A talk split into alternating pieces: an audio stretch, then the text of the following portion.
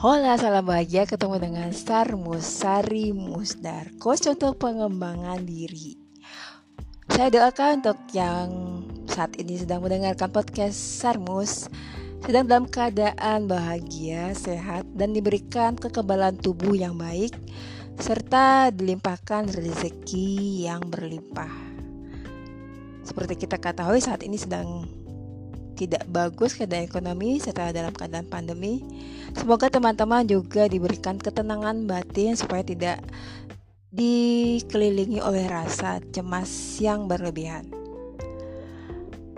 Untuk yang baru pertama kali mendengarkan podcast Sarmus, saya izinkan untuk memperkenalkan diri saya lebih dikenal mungkin sebagai penulis novel bestseller Cinderella in Paris, novel yang novel yang menceritakan tentang kebahagiaan, konsep kebahagiaan perempuan dewasa muda. Saya juga menulis beberapa buku traveling, tapi sebenarnya saya lama bekerja di bidang manajemen sumber daya manusia di beberapa industri, kebanyakan adalah perusahaan multinasional. Tapi saat ini saya lebih bahagia dan lebih fokus untuk menjadi coach yaitu orang yang membantu mengarahkan klien-kliennya untuk mencapai tujuan hidup mereka. Podcast Hari Musdar biasanya ngebahas tentang self love yaitu konsep menerima dan mencintai diri mencintai diri sendiri dulu baru mencintai yang lainnya membahagiakan diri sendiri baru membahagiakan yang lainnya. Lalu tentang empat yaitu beberapa orang kurang lebih 15 sampai 20% penduduk bumi yang peka terhadap energi makhluk hidup dan yang terlihat dan tak terlihat juga ada beberapa yang peka ke energi alam semesta ke benda-benda semesta misalnya bulan, bintang, gunung, dan lain-lain. Saya juga membahas tentang pengembangan diri tentunya berdasarkan pendekatan NLP, Neuro Linguistic Programming, Talent Management atau SDM, dan PACE ditulis B-A-Z-I. PACE adalah salah satu metafisika Tionghoa yang sudah ada ribuan tahun lalu. Kalau di zaman kuno dulu digunakan untuk membaca peruntungan anak yang baru lahir. Di era modern ini di beberapa negara sudah bukan hal yang baru digunakan untuk perekrutan level tertentu dan juga untuk uh, misalnya mau memilih mitra bisnis, keputusan bisnis dan lain-lain. Kali ini saya mau membahas tentang mana sih yang lebih baik, mana sih yang lebih hebat, entrepreneur, karyawan swasta atau PNS. Disclaimer, tulisan ini bukan hendak menggurui atau hendak menyindir orang-orang ya. Ini adalah bagian atau konsep berpikir dari Pace bahwa setiap orang memang ditakdirkan untuk pekerjaan tertentu sesuai dengan Pace profilnya. Beberapa tahun yang lalu ada banyak buku-buku mega bestseller ya yang membahas tentang bagaimana sih cara menjadi pengusaha, bisnismen dan lain-lain sempat juga uh, orang Hatta untuk menjadi pendiri startup dan lain-lain. Tentunya itu bagus-bagus aja ya. Seperti juga di agama saya Nabi Muhammad SAW juga menjelaskan uh, sembilan dari pintu rezeki adalah perniagaan. Balik lagi pertanyaan, mana yang paling hebat? Entrepreneur, karyawan swasta, atau PNS? Kalau menurut saya semuanya hebat kalau mereka menjadi versi terbaik masing-masing menjalankan pekerjaan dengan minim keluhan ngeluh sekali-kali sih wajar ya nama juga manusia bukan robot. Dan enggak curang. Dan yang terutama adalah mereka memilih pekerjaan karena sadar dan tahu bakat serta karakter serta fungsi mereka di masyarakat atau di perusahaan Jadi yang jadi pengusaha, pemilik UKM, atau freelancer seperti saya atau konsultan mandiri, mandiri ya seperti saya nggak usah lah merasa paling keren.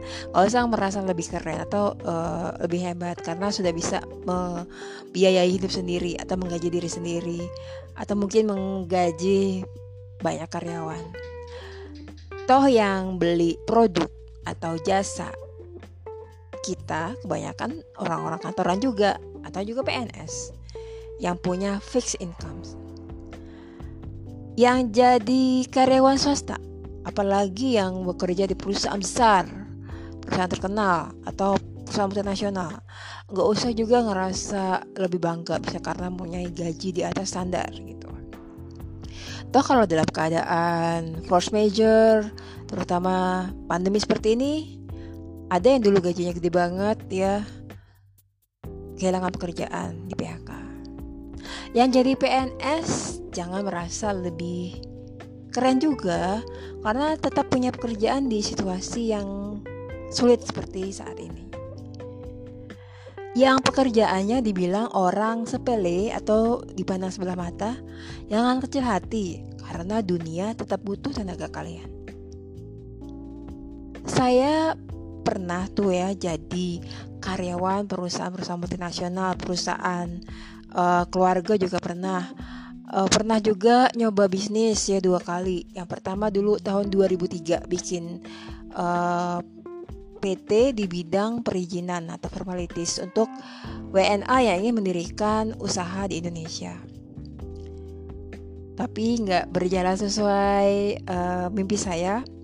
Terus tahun 2016 juga saya pernah bikin usaha dengan teman-teman saya di bidang IO dan traveling sebenarnya sih sudah berjalan lumayan oke okay ya untuk perusahaan atau untuk usaha yang baru didirikan gitu ya. Uh, terus sempat dapat proyek besar untuk membawa kepala unit bank BUMN di ke Thailand ya. Tapi ya akhirnya pecah kongsi.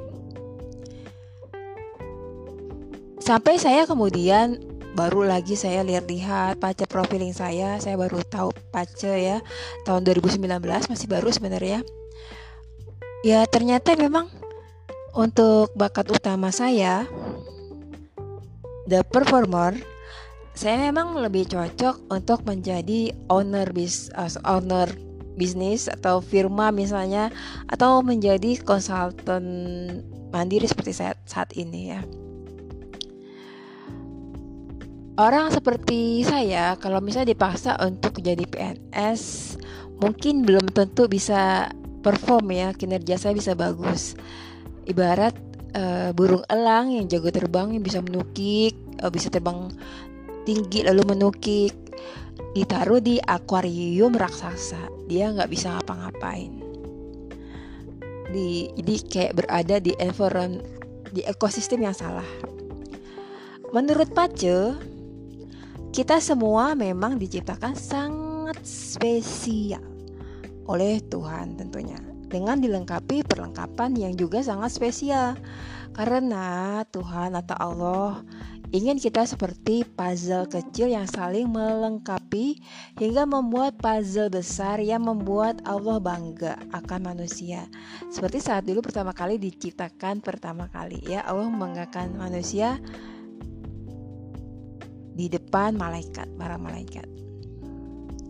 Jadi seperti kata Babang Aril Noah, kalian luar biasa. Ya, semua orang sebenarnya luar biasa kalau bekerja di ekosistem yang tepat atau bekerja di lingkungan yang tepat sesuai dengan bakat, karakter dan kalau dipaca ada namanya struktur.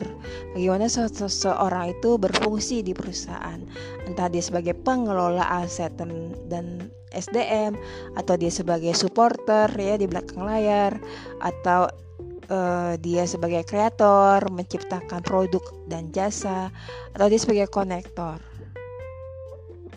Tentunya semua orang memang diciptakan berbeda gitu cuma kadang-kadang karena salah didikan orang tua karena nggak tahu orang ambisi orang tua akhirnya diarahkan ke hal yang nggak sesuai dengan bakat karakter si anak.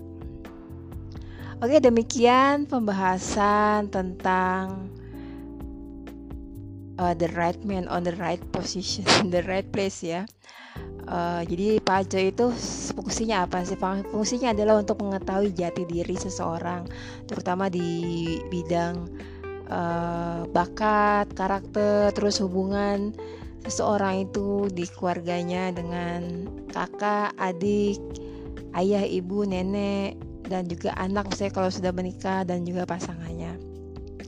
Pak juga bisa membaca, uh, memprediksi ya memprediksi jodoh, juga memprediksi kesehatan, juga memprediksi siklus kehidupan seseorang per 10 tahun. Demikian pembahasan kali ini.